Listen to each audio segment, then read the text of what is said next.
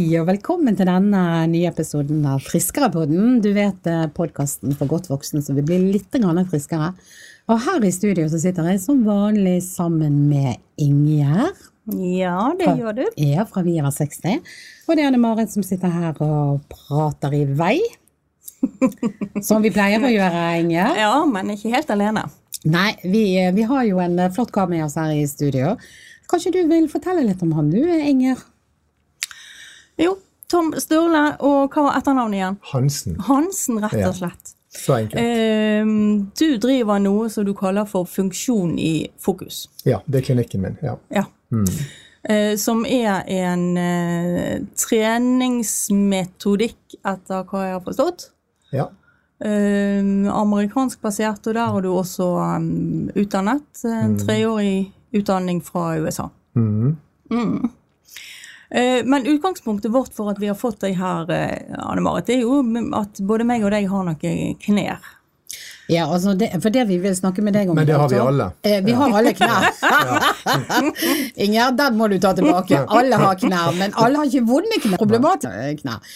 Tom Ståle, grunnen til at du er her, og grunnen til at vi lagde denne fine saken i Vi over 60 i desemberutgaven der, det er jo fordi at vi er jo kanskje litt over gjennomsnitt interessert i dette med knær. Eh, både fordi at eh, det angår veldig mange i vår målgruppe. altså Mange eldre og godt voksne de utfordres ut av eh, knærne sine. Og vi har jo våre personlige beretninger, Inger. Det har vi. Det er det jeg mener med knær. At du merker det ikke Du vet at du har de, men du merker det ikke når Nemlig, det ikke er noe galt med dem. og du vet jo det, vi har jo snakket i denne podkasten her tidligere om det. Sant? Hvordan jeg plutselig måtte løpe til MR og sjekke begge knærne, og fikk vite det at jeg hadde meniskproblemer i begge. Uh, og du har jo faktisk nettopp nå måttet kaste inn håndkleet for en liten uke og ha hjemmekontor fordi at du fikk en, uh, noen problemer med ditt kne. Ja, jeg har um, artrose, som veldig mange i uh, min aldersgruppe har. Um, og det har gått bra i halvannet år. Jeg har ikke hatt noe smerter og har holdt det i sjakk, men så ble jeg litt for um, ivrig. Belastet kneet for sånn mye. Sånn er det når du holder på oppi lien der oppe, vet du, med ja. dette her nye prosjektet ditt. Mm. Sånn er det. Ja. Men jeg, altså, jeg, tenker jo det at eh, det er jo akkurat som du sier. Du, du, tenker ikke over at du har knær før det blir et problem. Og da merker du virkelig at det er en utfordring. Uh, og jeg er jo tross alt bare 53 år, um, men jeg visste jo det at jeg hadde en, en idrettsskade i den ene, i den ene kneskålen. Men jeg ble jo skikkelig overrasket når jeg hadde problemer med begge, og Emma viste det at det var meniskproblemer. Eh, så har jo ikke jeg hatt noe sånn problemer siden juli, egentlig. Og nå skriver vi november, og jeg har jo vært på massevis av reiser og jobbturer som jeg har vært usikker på eh, om det faktisk lot seg gjennomføre. Eh, og det er jo fremdeles derfor du sitter her og smiler i studio hos oss. Ja, jeg, jeg hører mye. Ja, du hører, og du har sikkert hørt en del av dette før. Det har jeg. Eh, fordi at ja. Eh, det som Spesielt er idrettsskadene. Ja. Ja, ja. Men, men, det som Ja, og jeg, kan, jeg vet akkurat når det skjedde, så jeg kan forklare deg det. Men det som Altså, du blir veldig satt ut og skikkelig handikappet mm. når du ikke klarer Altså når det skjer noe med kneet. Én ting er jo det at det er fysiske smerter. Og jeg har jo pleid å ha det sånn at det har strålt nedover i foten og oppover i låret. Altså at det, det, på en måte ikke bare har vært sentrert rundt kneskålen, men det er på en måte hele foten som mm. eh, verker. Altså til og med sånn at eh, om natten så ligger du våken og eh, og, og um, sånn at uh, det er jo faktisk fra den ene dagen veldig funksjonell til den andre dagen ja, rett og slett litt sånn ufunksjonell, og du føler deg og det, er, du nikker, og det betyr jo det. Ja, det betyr ikke jeg er enig i alt du sier, men det betyr at jeg, ja, jeg hører ja, hva du, du sier. Hører, du hører hva jeg sier. Ja, men, mm. men, det er i hvert fall sånn, dette er jo mer en beskrivelse. Ja, dette er en beskrivelse. Mm. Eh, og når vi skulle ha den tilnærmingen å skrive om kne, da, Inger, eh, så tok jo du, ville jo vi ha en annerledes innfallsvinkel. For vi må jo si litt om hvordan man sånn tradisjonelt behandler dette med kne. Altså når du får et kneproblem, hva skjer? Når du får et kneproblem, så går du selvfølgelig til fastlegen, og så har fastlegen noen sånne eh, undersøkelsesøvelser som man gjør, og så eh, konkluderer han med at eh, problemet sitter kanskje her eller der, eller um, ja. Eller i hele kneet, eller i begge knærne. Og um, noen ganger får du en henvisning videre til spesialist, men mange ganger så får du en henvisning til en fysioterapeut. Og Da begynner du med å avlaste og ta smertestillende, og så eh, får du da beskjed om å belaste og gå på tur i eh, skog og mark og mm, trene opp langsomt. ulendt terreng, ja. Mm. Fordi at det har jo i utrolig mange år vært veldig populært med kneoperasjoner. Ja, det var mer vanlig enn før. Eh, Der er noen nye undersøkelser som viser eh, ingen forskjell, egentlig, og i noen tilfeller også negativt utslag av å operere og sette inn protese. Men det gikk jo nær sagt litt sport i det. altså Veldig mange private klinikker og sånt har jo gått ut og tilbudt det. Og det har på en måte vært litt sånn quick fix. altså sånn eh, Men, men det du sier Ja. akkurat der, denne quick fixen, det tror jeg jo er litt av nøkkelen til hele problematikken. Det at her, og det tror jeg alle er enige om uansett tilnærming, det er ingen quick fix her. Du må ta tiden til hjelp, og det tar til dels lang tid. Ja, men, ja og, og derfor, eh, Tom Sturle, når vi skulle eh, skrive om dette, så ville vi ha en litt annen tilnærming. Uh, og det er klart at du, er litt, du har en litt alternativ tilnærming til dette med å forbedre knærne.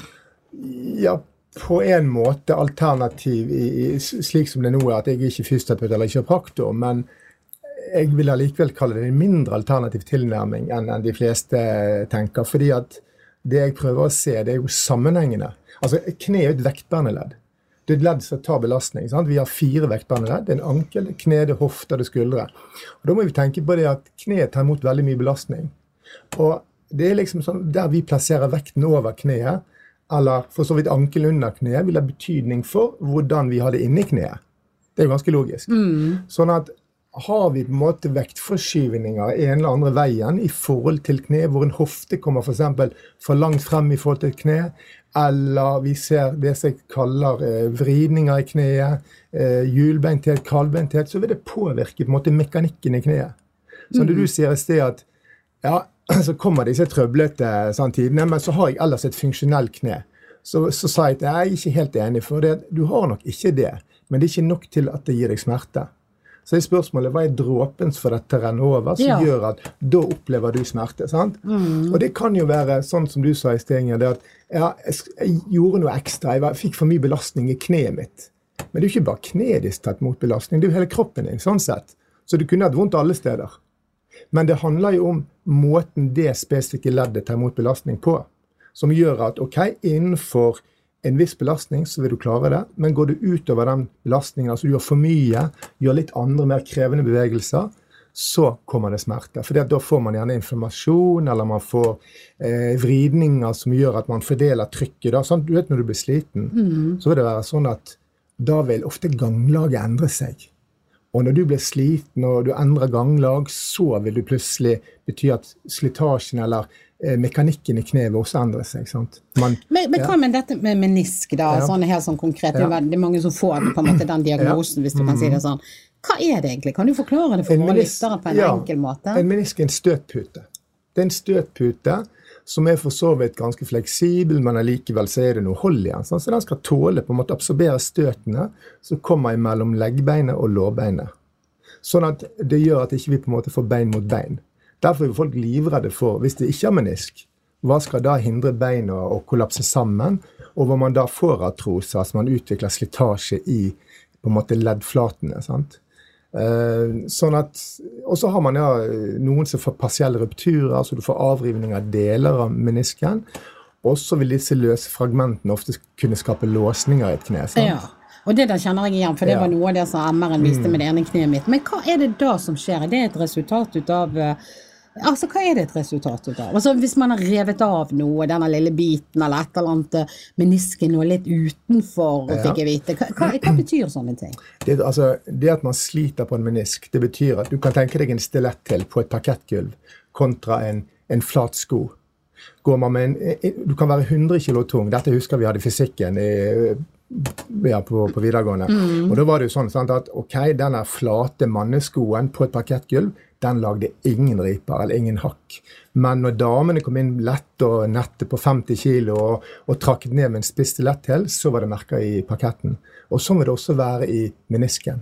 Så begynner vi å fordele trykket, at ikke vi klarer å plassere lårbeinet rett over leggbeinet, så vil vi ofte begynne å slite på deler av menisken vår. Okay. Og det kan være når folk da har vondt la meg si, på en innside av kneet eller på en utside, så kan vi se det spotte det rett og slett ved å se på om det er rotasjoner mellom lårbein og leggbein, og fotblad, ikke minst. Eller vi kan se om knærne detter inn eller detter ut. Eller man detter frem. Mange eldre, du ser typisk eldre, de står med mye bøyde knær. sant? Og det er klart at da vil trykket flytte seg fra hele menisken til deler av menisken. Og det skaper slitasje. ja. Dette er jo interessant, Ingjerd. Ja, og jeg kjenner jo avgjort igjen det du sier om når du blir sliten. Fordi at jeg er ganske overbevist om at uh, dette fikk jeg fordi at jeg ikke ga meg når jeg begynte å, å, å kjenne at nå er det nok. Så skal jeg bare. Um, og da er det noe med at du ikke er så fokusert lenger. Um, og du begynner å, å bevege deg på, på en uhensiktsmessig måte. Du har lettere for å, å skli og, og dette ut med ledd og ja. Um, mm. Men dette her er vel, eh, som jeg sa til deg, Ingjerd, du, du er oppe i 60-årene. Det var ikke det du sa. Nei, Det var- det, det jeg sa, det det var det at du nærmer deg 70, Ja. sa jeg. Eh, det er helt riktig. Eh, Men, eh, og Tom Ståle, altså er dette her uh, forbundet med alder? Altså det er et uh, større forekomst der det er problemer vi får med alder? Det er klart at det er jo, altså Sånn er det med alt. Det ser du med slitasje i hofte, Uh, du ser det med ryggproblematikk, du ser det med veldig mange ting. Og Det handler selvfølgelig om at ja, vi blir eldre, for etter hvert som årene går, så taper vi mer og mer funksjon. Og det handler jo om denne muskulære balansen. Det er lettere når vi var yngre fordi vi var mer i bevegelse. Så blir vi mer stillesittende, og så blir vi mindre variert i bevegelsene våre. Så, så det er et element av det også. Men det er klart at gjør du det som jeg sier, gjør du de rette tingene, får du inn de rette bevegelsene, hvor du på en måte styrker, eh, du tøyer og du reposisjonerer leddene, sånn at du opprettholder balansen i musklene dine, så trenger du ikke ha smerter. Så det, det er helt unødvendig egentlig få det, men det er mer vanlig. Ja, for det, nå, nå er du inne på Ja. det som du faktisk jobber med, og det som du tilbyr, da. Og som er del, litt alternativet til det som nær sagt Helsedirektoratet eller en vanlig ordinær lege ville gjort. Eh, men før du begynner å si mer om det, fortell, altså, fortell litt om hvorfor du holder på med dette. Hva er bakgrunnen din? Jeg er utdannet på Norges handelshøyskole, ja. så det er jo en litt annen bakgrunn. Så du er økonom i utgangspunktet? Ja, sant? og jobbet med andre ting, og som var jo veldig givende i den delen av livet. Men så hadde jeg mye smerter sjøl også. Og jeg eh, gikk jo, ikke for å si noe negativt om Men jeg fikk i hvert fall ikke hjelp der jeg prøvde å få hjelp, og da prøvde jeg det meste som var. Hadde du kneproblemer da? Nei, det hadde jeg ikke, men jeg hadde hofteproblemer, jeg hadde ryggproblemer, jeg hadde nakkeproblemer, jeg hadde kroniske betennelser i armene. ene armen var betennelse over ti år. Ehm, hva var det jeg ikke hadde? Eh, ankelproblemer, kramper i legger. Altså, ja, hele kroppen var ute å kjøre. Og jeg fikk jo alltid høre det at eh, når jeg var hos legen, da, at ja, men jeg så så bra ut. Jeg så så bra ut. Sant? Så det, jeg så jo, På den tiden jeg var jo veltrent, og alt dette, men jeg hadde fortsatt vondt. Så jeg fikk jo av og til inntrykk av at det kunne sitte i hodet. Mens når jeg gikk til fysioterapeuten, så husker jeg han ene sa du kommer til å bli ufør, og du kommer til å havne i en rullestol, påsto han. Og det er klart, det var jo et slagord for for en ung mann. Um, så jeg ga vel egentlig opp det å bli bra, for jeg hadde så mange symptomer. Jeg hadde så mye smerter. Og det var på en måte ikke helt det var ikke helt stuerent å komme med alle de problemene. For du skulle helst bare ett problem. Så du, opplevde nesten at du en Du var på, i, i nærheten av å få en psykiatrisk diagnose? Ja, hos legene. Ja, hos legene. men ikke hos fysioterapeutene, for de kjente på alle disse triggerpunktene. Alle spenningene og alle triggerpunktene. Og ja, jøss, her var det mye. Men det er klart at det var som å Jeg kaller det ble puset med. altså det var, Jeg fikk litt trykk her og litt massasje der, og så gikk jeg ut og følte meg litt bedre, og så at den timen var jeg like dårlig. Ok, Men, men kom, ble det noen gang jobbet med rotårsaken da? Til Nei, for den var ingen som spurte noe om. Eller, eller spurte om, det var ingen som snakket om en rotårsak. Og jeg skjønte jo i hvert fall ingenting. Hvorfor skal jeg ha vondt? var et spørsmål jeg stilte meg. Men hvorfor skal jeg ha vondt på alle disse plassene? Og det var ingen som kunne fortelle meg hvorfor. Så jeg ble sendt på Haukeland på forskjellige avdelinger, for det måtte sikkert være ulike diagnoser jeg hadde. Og man kom jo aldri noe videre med det. Og det er klart at når da nevrologen skulle inn og begynne å ta biopsier av kroppen min for, for å forstå hvorfor det var så lite sirkulasjon i kroppen min, da skjønte jeg at dette bærer ingen vei. Så jeg sluttet å, å tro, og ble jo litt bitter og tenkte nei, jeg får bare leve med dette. Men så kom jeg over en bok. Og det var boken som var skrevet av han eh, Peter Gosku, som er i Gosku-metoden. Og den er Health Through Motion. Altså eh, helse gjennom bevegelse.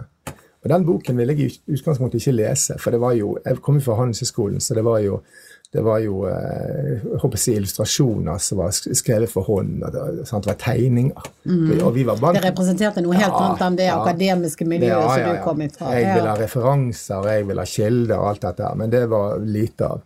Men jeg da først åpnet boken og så prøvde å forstå hva det han prøvde å si meg, eh, så var det noe inni meg som våknet. fordi at eh, der sto jo på en måte Der sto jo årsaken. Altså Jeg måtte begynne jeg begynte å se meg i speilet, så så jeg men hjelpe meg. Jeg så plutselig den skulderen som var altfor høy, så jeg bare fikk høre men sånn er det. Det må du bare leve med. Og jeg så den krumningen i den ryggen, og jeg så den feilstillingen i den hoften, og de knærne som pekte utover. Alt dette beskrev han. Og så klassifiserte han det med ulike på en måte kroppstyper. Og det var jo liksom bare for en innføring, at man skulle skjønne at det er noe med den kroppen der som gjør at du har vondt. Og det, ja. Akkurat. Men, men uh, parallelt med at eh, du leste denne boken, Ja. da, så gikk du fremdeles til eh, fysioterapeut og mm, ja. kiropraktor Det, ja, Kiropraktorene kuttet jeg ut etter hvert, for det ble jeg faktisk dårlig av. Men, men jeg gikk til Jeg gikk og fikk nåler, husker jeg. Ja, så Og du det- fikk akupunktur og Ja, IMS, da, Ja. sånn intramuskulær stimulering. Ja. Og det var for så vidt ganske ok. Men det er klart at smerten kom alltid tilbake. Men, jeg, ja. men, men du, møtte du noe forståelse? Diskuterte du når du fikk denne kunnskapen gjennom denne, om denne nye metoden? Diskuterte du den med, med behandleren din? ja, jeg kom tilbake igjen. Jeg sluttet å gå. Og så gikk jeg tilbake etter et halvt år. Og så tenkte jeg, du hadde gjort øvelser et halvt år. Og så tenkte jeg, nå skal jeg se. Og så begynte de å sette nålene. Vanligvis var det sånn at disse nålene, jeg bøyde jo, musklene mine bøyde nålene, for jeg var så spent. Så var det ikke en reaksjon. Det var ikke et napp i nålen. Så han bare stakk det inn og trakk det ut igjen og sa jøss, hva skjedde, sier han. Og så ba jeg han å se på meg, og så visste han ikke hva han skulle se på. Jeg ser ikke hele kroppen min er annerledes, sier jeg. Men det er bare, de har ikke de brillene på. De er ikke lært til å se på den måten. For jeg ble jo, når jeg begynte med disse øvelsene, jeg ble jo to centimeter høyere. Sant? For jeg var jo blitt krummere og krummere og mer og mer anspent. Sant? Så når jeg da begynte å gjøre øvelser, fikk mer løft i ryggsøylen min og strake knær og, og alt dette, fikk overkroppen over hoften, som var naturlig for meg når jeg gjorde øvelsen å stå på, en sånn måte å stå på, så ble jeg faktisk høyere også. Det er jo en helt utrolig historie, Inger. Ja, det er det, men altså, sånn som jeg oppfatter deg, så um, handler det mer om å se kroppen som en helhet. Ja. Uh, at uh, alt uh, henger sammen, og at eh, det Og det, det sier jo Dette er jo ikke noe kontroversielt, egentlig. Eh, dette sier jo også medisinere, at det smerteproblemet ditt kan være et helt annet sted. ja. Eh, Men derfra og til å begynne å jobbe med det, eh, det har også mye med tid å gjøre, sånn som jeg tenker. Ja, tid og selvfølgelig kunnskap. For det, den, det som vi har mye av, det er biomekanikk. Altså det å se hvordan belastning virker, og skjønne hvordan vi kan endre belastning. Og da blir du nødt til å se sammenhenger mellom muskler, og muskeldrag, og, og du på en måte må ha kontroll på hele systemet ditt. Sånn at som du sier, ja det kan være en skulder som er høy, men det kan komme fra en hofte. Veldig ofte gjør det jo det. Sånn at du må tenke disse sammenhengene, og du må teste det ut. Det er ikke noe vi skal anta, vi skal vite det. Ja, for, Men, så du leste deg rett og slett opp på egen hånd, og så praktiserte du de tingene som du leste? Altså du tok kunnskapen fra boken og Nei, ut i ikke helt. For det, det jeg da gjorde, det var det at jeg, jeg fikk en Det var en som hadde vært i USA og sett lyset, da. Og han hadde installert et videokonferanseutstyr hjemme, da. Og, og, så vi var plutselig på nett med, med spesialisten i San Diego. Og det var ufattelig kult. Sant? For vi er tilbake nå til 2004, tror jeg. 2003-2004. Og, og det var jo helt spesielt. Og de snakket til meg, og de var i samme rom nesten som meg. Og så skal du, nå skal du høre sånn, sånn, sånn. Dette er problemet ditt. Og jeg ble jo, jeg ble jo så provosert. Jeg ble så sint. Fordi at de kunne selvfølgelig vært mer pedagogisk. Eh, de ble flinkere på det nå, men, men det var noe med måten jeg ble møtt på. For det var så enkelt for dem. Det var så enkelt å se det. Og her er det godt å kaste vekk liksom 15 år av livet mitt med smerter. Så de var helt sånn bastant? De, altså de Bang, så bang, med bang. en gang, også, Ja, ja, og det kjente ja. du, det trigget deg? Ja, for at jeg var jo spesiell. Og det, tror, altså det opplever jeg mange som kommer inn til meg. Vi, vi tenker vi er veldig spesielle. Og det er noe helt spesielt, og de må fortelle hele historien. Jeg kan ofte bare se på en person, så vet jeg stort sett hva, hva vi skal gjøre. Men det er klart de har en historie, og den er viktig for dem. Ja. Mm, Men, men, eh, men da tok jo du altså og eh, eh, Du ble så inspirert du at du tok rett og slett en utdannelse innen dette Ja. sjøl? Jeg var satt da med Hadde to små barn og kone og, og enebolig og alt det som var der, og lån, selvfølgelig. og så, ja. så, bestemte jeg meg for at dette må, må, jeg bare studere. Så jeg begynte egentlig å studere ved siden av jobben min. Og så gikk jeg ned da, for da var det en eh, omlegging av den eh, organisasjonen. Så jeg kunne da søke meg over en annen stilling, og så søkte jeg da en 50 %-stilling. For da kunne jeg begynne å jobbe opp dette. Så jeg studerte i noen år og, og, jobbet dette opp, og så tok jeg da videreutdanning etter jeg var begynt igjen. Så, så det har gått i flere løp, dette. ja. ja. Mm. Så det var jo en, en stor omveltning eh, å gjøre det. Og pure, altså kun idealisme i det. For jeg følte det at dette er noe jeg må ut. Fordi at du, ja. du uh, ble rett og slett overbevist fordi at du kjente på din egen kropp at det virker? Ja, altså det, det er noe med logikken bak det. Det er så utrolig logisk. Det er veldig få som kan si at det vi sier, er ikke riktig. For det handler egentlig bare om vektbæring, og det handler om muskelbalanse. Og det handler om at vi identifiserer når vi gjør la meg si, noen øvelser i forhold til ett problem. Så kan jeg peke på problemet i forkant, og så sier jeg vi skal gå i denne retningen. Så kan vi se på det leddet eller de dragene i etterkant, så ser du forskjellen. Og dette er faktisk noe vi kan vise med bilder. Vi bruker, bruker bilder så kan vi vise det, dokumentere det. Altså, altså røntgen? Nei, vi bruker ikke røntgen, men vi tar, vi tar foto. Oh, ja. Så vi tar på så dere tar av kroppen av mennesket, ja. så du kan se? Vi tar mm. foto av mennesker hvor de da står på en måte i shorts, eh, hvor vi får med oss ankeledd og kneledd, og så står de i sports-BH, eller mennene står i bar overkropp. Og så får vi på en måte tatt et bilde av de i fire ulike positorer. Ja, forfra, bakfra og for hver sidene. Og da kan vi på en måte ganske fort begynne å si noe om hvordan belastningen er i den kroppen, og hvor feilstillingen er henne. Og hvorfor de har vondt der, der og der. Sant? Men er dette, er dette omstridt? Nei, nei. nei, nei. Jeg opplever ikke det omstridt i det hele tatt. Uh, det er jo mange som vil hive seg på og si ja, men dette gjør jo vi òg. Men jeg opplever egentlig ikke Ja, man, man, ser gjerne på en kroppsholdning, men det er noe med å forstå hvordan skal vi endre den. Hva er det som skal endres? Vi snakker ikke om å stå og, og, og på en måte så jeg sier det er ikke noe positur jeg på jakt etter. Vi skal stå på en måte holde kroppen i en viss positur. Men det vi snakker om, er at vi skal endre musklene til å stå på en naturlig, avslappet måte. Og det gjør du. altså Da, da er det et sett med, med øvelser, da. Ja. Altså når kartleggingen er over ja. og diag nesten diagnosen i tødler er gitt, ja. Eh, så utstyrer du pasientene med et Eh, et sett med øvelser som de skal gjøre? Da er det øvelser som er skreddersydde for denne problemstillingen. Og det er klart at Da må vi både tenke symptom, vi må lindre symptomet, men vi må definitivt jobbe med årsakssammenhengene. For ofte sitter den et annet sted. La meg si knærne. Så sitter, sitter aldri stort sett problemet i kneet. Men tenker du bare altså Ingjerd, du snakket jo om at dette var sånn helhetstenkning. Mm. Tenker du bare fysikk eller tenker du psykologi òg? Det er klart at Vi må jo med oss psykologien, for det er jo mennesker som kommer inn, og det er mennesker som skal ta dette med seg hjem. Og, og noen er redde. Og noen har aldri trent før.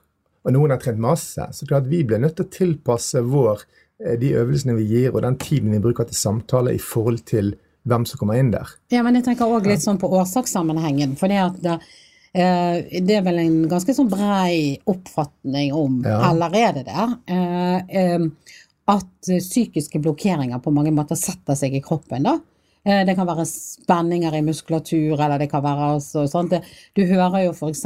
det at mange menn som er stresset eller sliter med ting, da setter ting seg i ryggen, eller de får i magen.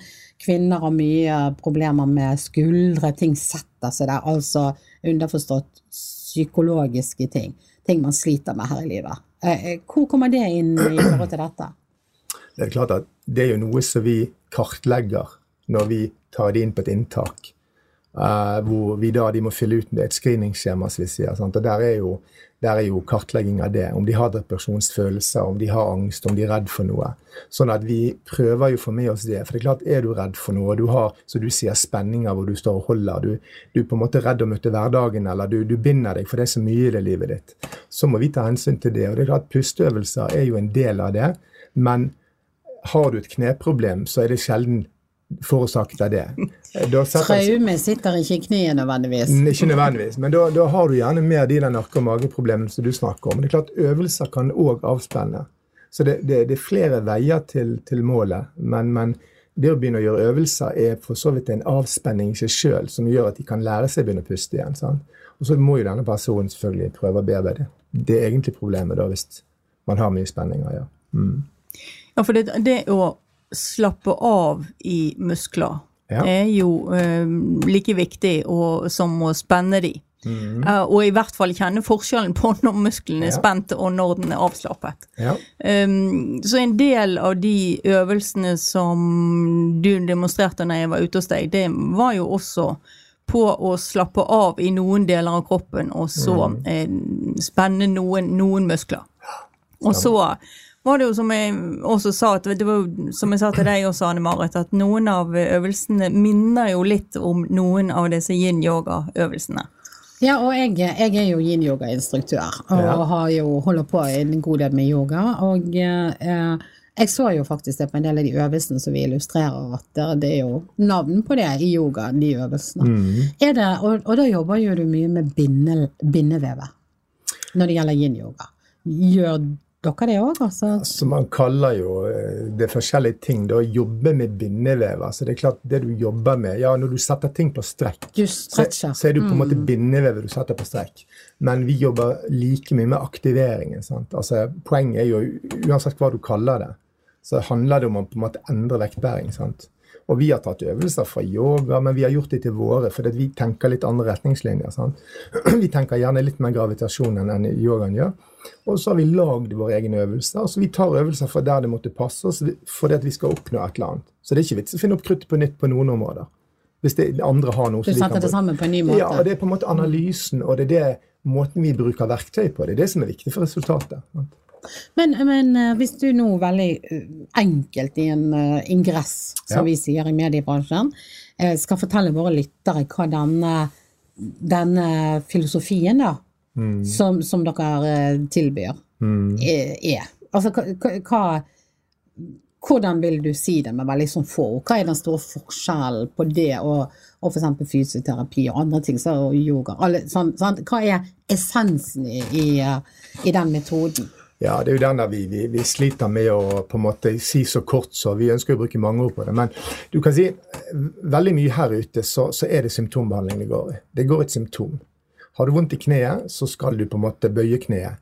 Men man ser ikke hvorfor det er vondt i kneet. Så det vi jobber med, det er så, så du sa, Ingjerd, vi jobber med de store, den store helheten. Vi ser på årsakssammenhengene. Hva skal til for å belaste det kneet annerledes? Så vi jobber da i forhold til posturalitet, som er ikke ord som er brukt så mye i Norge, men de bruker det mye i Hva betyr det? Nei, det betyr kroppsholdning. Så vi jobber mye med kroppsholdningen, og vi prøver å få de vektbærende leddene til å samarbeide. Så samarbeid i vektbærende ledd gjennom styrking, gjennom strekking og gjennom reposisjonering av ledd, som jeg sa i sted. Det er det vi gjør. Så du må ha med hele totalpakken.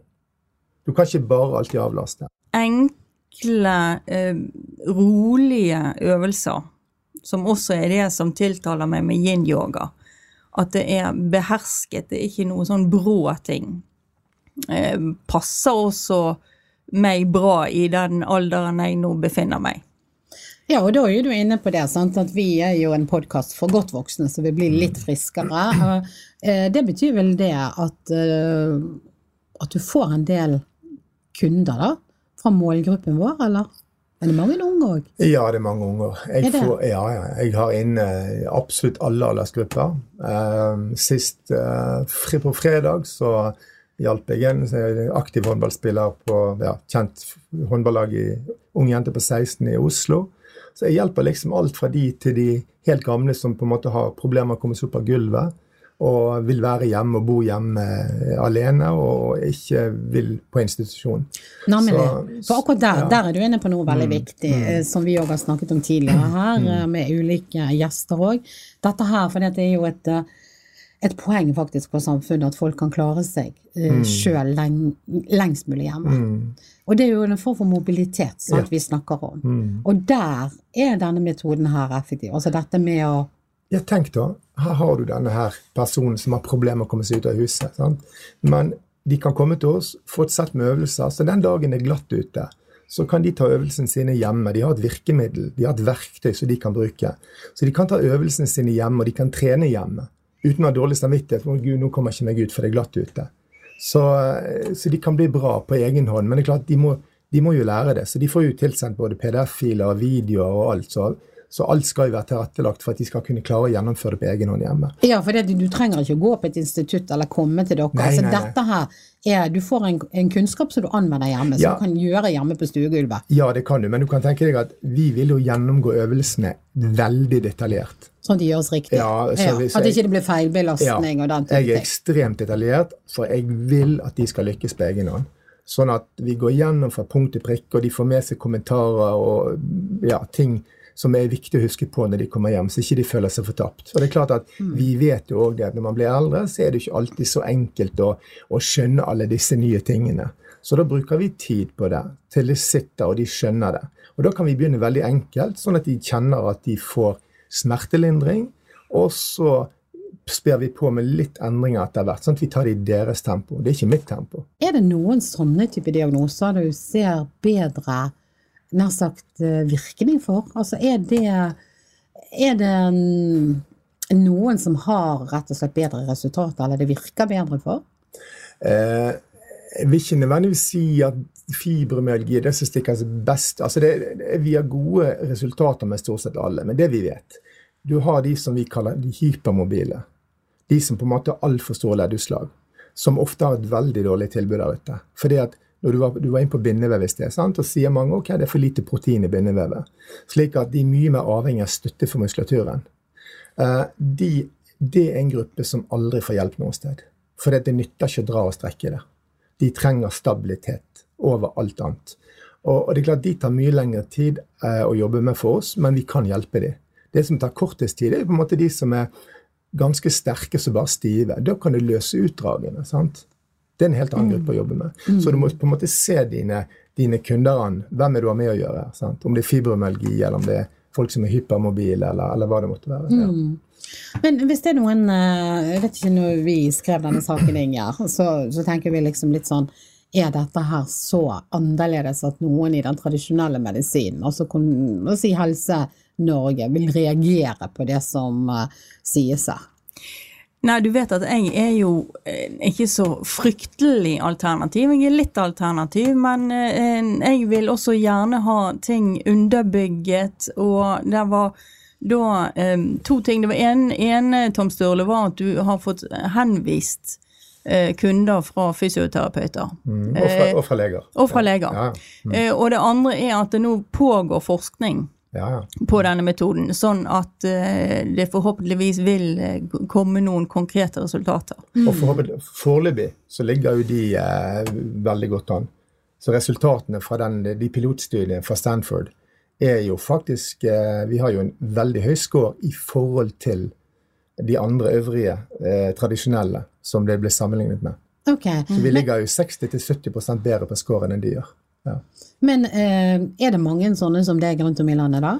Eh, nei, ikke i Norge. Dette er på en måte et amerikansk fenomen. Så eh, det finnes mange klinikker i USA, og det finnes i Mexico, Japan og rundt omkring. Men i Norge så er det jo bare meg som driver klinikk. Ja. Okay. så, Så det får jeg ta på meg. ja. Ja, for det, jeg, jeg tenker det vil jo være en del av lyttere. Vi gjør jo en podkast for hele landet, og et magasin for hele landet. Og så vil jo det kan, kan jo være det at det er en oppe i Karasjok eller i Tromsø eller i Ålesund eller et eller annet som, som lurer på at eh, gud, dette kunne være noe for meg. Eh, hva kan de gjøre? Ja, vet du hva? Der er det litt eh, artig at du sier det. For det nå, eh, etter, nå skal jeg rett på, på jobben nå etterpå. Og der har jeg en eh, kar fra Oslo, og vi skal ha en Skype-konsultasjon. Ja. Så det, at, og det høres veldig rart ut. Går det an å fikse noe på Skype? Hva kan du virkelig se? Men eh, med våre, eller mitt trente øye så kan jeg se veldig mye. Og de har jo en flott munn de kan snakke med, så de kan fortelle hvor de har vondt, og hva de har kjent på. Og så kan vi allikevel drive masse kartlegging. Så nå har jo han som jeg skal nå ha, nå har han lagt, på en måte fylt ut dette screeningskjemaet, sendt det til meg. Vi går gjennom det sammen. Han har sendt bilder, men jeg kunne også tatt bilder. Så legger vi det inn i et eh, verktøy hvor vi kan sitte og se på bildene sammen. Ja, så det, dette her er jo rett og slett eh, Den moderne teknologien gjør Ja, at dette her Det er mulig. er eh, mulig for alle, Ja. og det er jo litt viktig å vite. Ja. Ja. Men det er klart det blir ikke hands on. Så jeg har det ikke inne på klinikken min, og jeg kan ikke på en måte kjenne og palpere så, altså når vi kjenner på ting. sant? Men jeg kan se Eh, det å få også kjent på, det gjør det enda bedre, men vi kan løse veldig mye på, eh, på, på over nettet. Ja. Og det er det som gjør det fantastisk i dag, at man faktisk kan få eh, hjelp. Og det, vi har jo på vårt eget hus så har jo vi lom, lommelegen, Ja. som er et av de tilbudene der du faktisk kan være på tur til Spania eller hvor som helst og ringe til en doktor online Ja. og få hjelp. Så dette er jo fremtiden. Dette er Dette er noe som kommer. Dette kommer. Jeg kan jo bare vise denne. Denne fikk jeg nå på eh, Vet du hva det er da? Jeg fikk den her i, i går. Og det Og nå må vi altså Ja. forklare at nå tar Tom Sturle opp mobilen sin og skal vise et bilde som ikke er Ja. så Nei, se her, så sier han som jeg hadde i Oslo, sant, at uh, hun gjør øvelsen sin, hun kjenner, kjenner og ser at det funker. Og det gjør Ferr også. Så det er, dette er gjort på, på Skype. Ja, det, det, det er jo veldig bra. Hva, hva tenker du at eh, det er viktig for deg også for nå, nå når vi snakker om Nå har jo vi snakket en del om knær, men vi Ja. snakker jo òg om resten av kroppen. Men hva er det viktig for deg å melde deg i forhold til uh, det du holder på med, som ikke vi har snakket om? Nei, Jeg syns det er viktig at uh, veldig mange får masse velmenende råd. Men jeg synes det er viktig at folk må ikke glemme å kjenne etter. Altså, hvis du får beskjed om at du skal bare gå på tur og bevege deg, og du fortsatt har kjempevondt, ja, skal du da gå på tur? Skal du fortsette å gjøre noe som ikke virker? Ja, eller skal du Og forvente å få et annet resultat? Ja, eh, yes. Mm. Så du må, du må lytte til kroppen din. og det er klart at Bevegelse vil alltid være bra, men i noen tilfeller så må vi inn og så må vi gjøre et par ting før du går på tur. Så Jeg vil jo alltid anbefale folk å gjøre øvelsene før de går på tur. For da, når du da retter ut denne kroppen med disse feilstillingene, så vil han klare å ta imot mye mer belastning. Men har du f.eks. En, en stor skeivhet i en hofte, og du har av den grunn ryggproblemer, og du går på tur, så er det ikke sikkert det blir bedre. Det kan bare være at du belaster samme område om igjen og om igjen. og om igjen, Som gjør at du blir sengeliggende etterpå. Det ønsker vi ikke. Så lytt til kroppen, og ikke tro at tablettene hjelper. For det, det bare døyver et problem. Du tar ikke Ja. det som er rotårsaken, Nei. rett og slett. Ta og Finn ut hva, hva er problemet mitt, og vær litt, vær litt ransakende på deg sjøl. Se deg i speilet. Ja, skal jeg være skeiv? Og, og noen studier lærer jo det. Vi er alle litt skeive, og vi er alle forskjellige. Ja, er vi det? Vi har jo over 600 muskler i kroppen, men skal du og jeg skal du gå med skuldrene opp til ørene og jeg med lave skuldre? Skal du ha én skulder som er høyere enn den andre, eller skal de være beina? Fordi at det er en så god helsegevinst rett og slett ved å, å, å vatre det ut, eller Ja. få balanse i det. For det, hvis ikke det er vatret ut, så er det heller ikke balanse i musklene. Det er ganske logisk. Og vi bygger jo ikke skeive hus. Så hvorfor skal, Mm. hvorfor skal vi unngå å bruke kroppens fysikk? Altså Det er en fysikk i kroppen nå. Det er jo ikke bare ute i naturen. Det høres jo veldig logisk ut, da. Ja, det er eh, akkurat det. Det høres veldig logisk ut. Det er, og i og med at det, en god del av det er bygget på eh, vanlig tradisjonsmedisin på en måte, så um, og det er rolige øvelser. Så, så tenker jeg at her, her er ikke det så veldig mye galt du kan gjøre.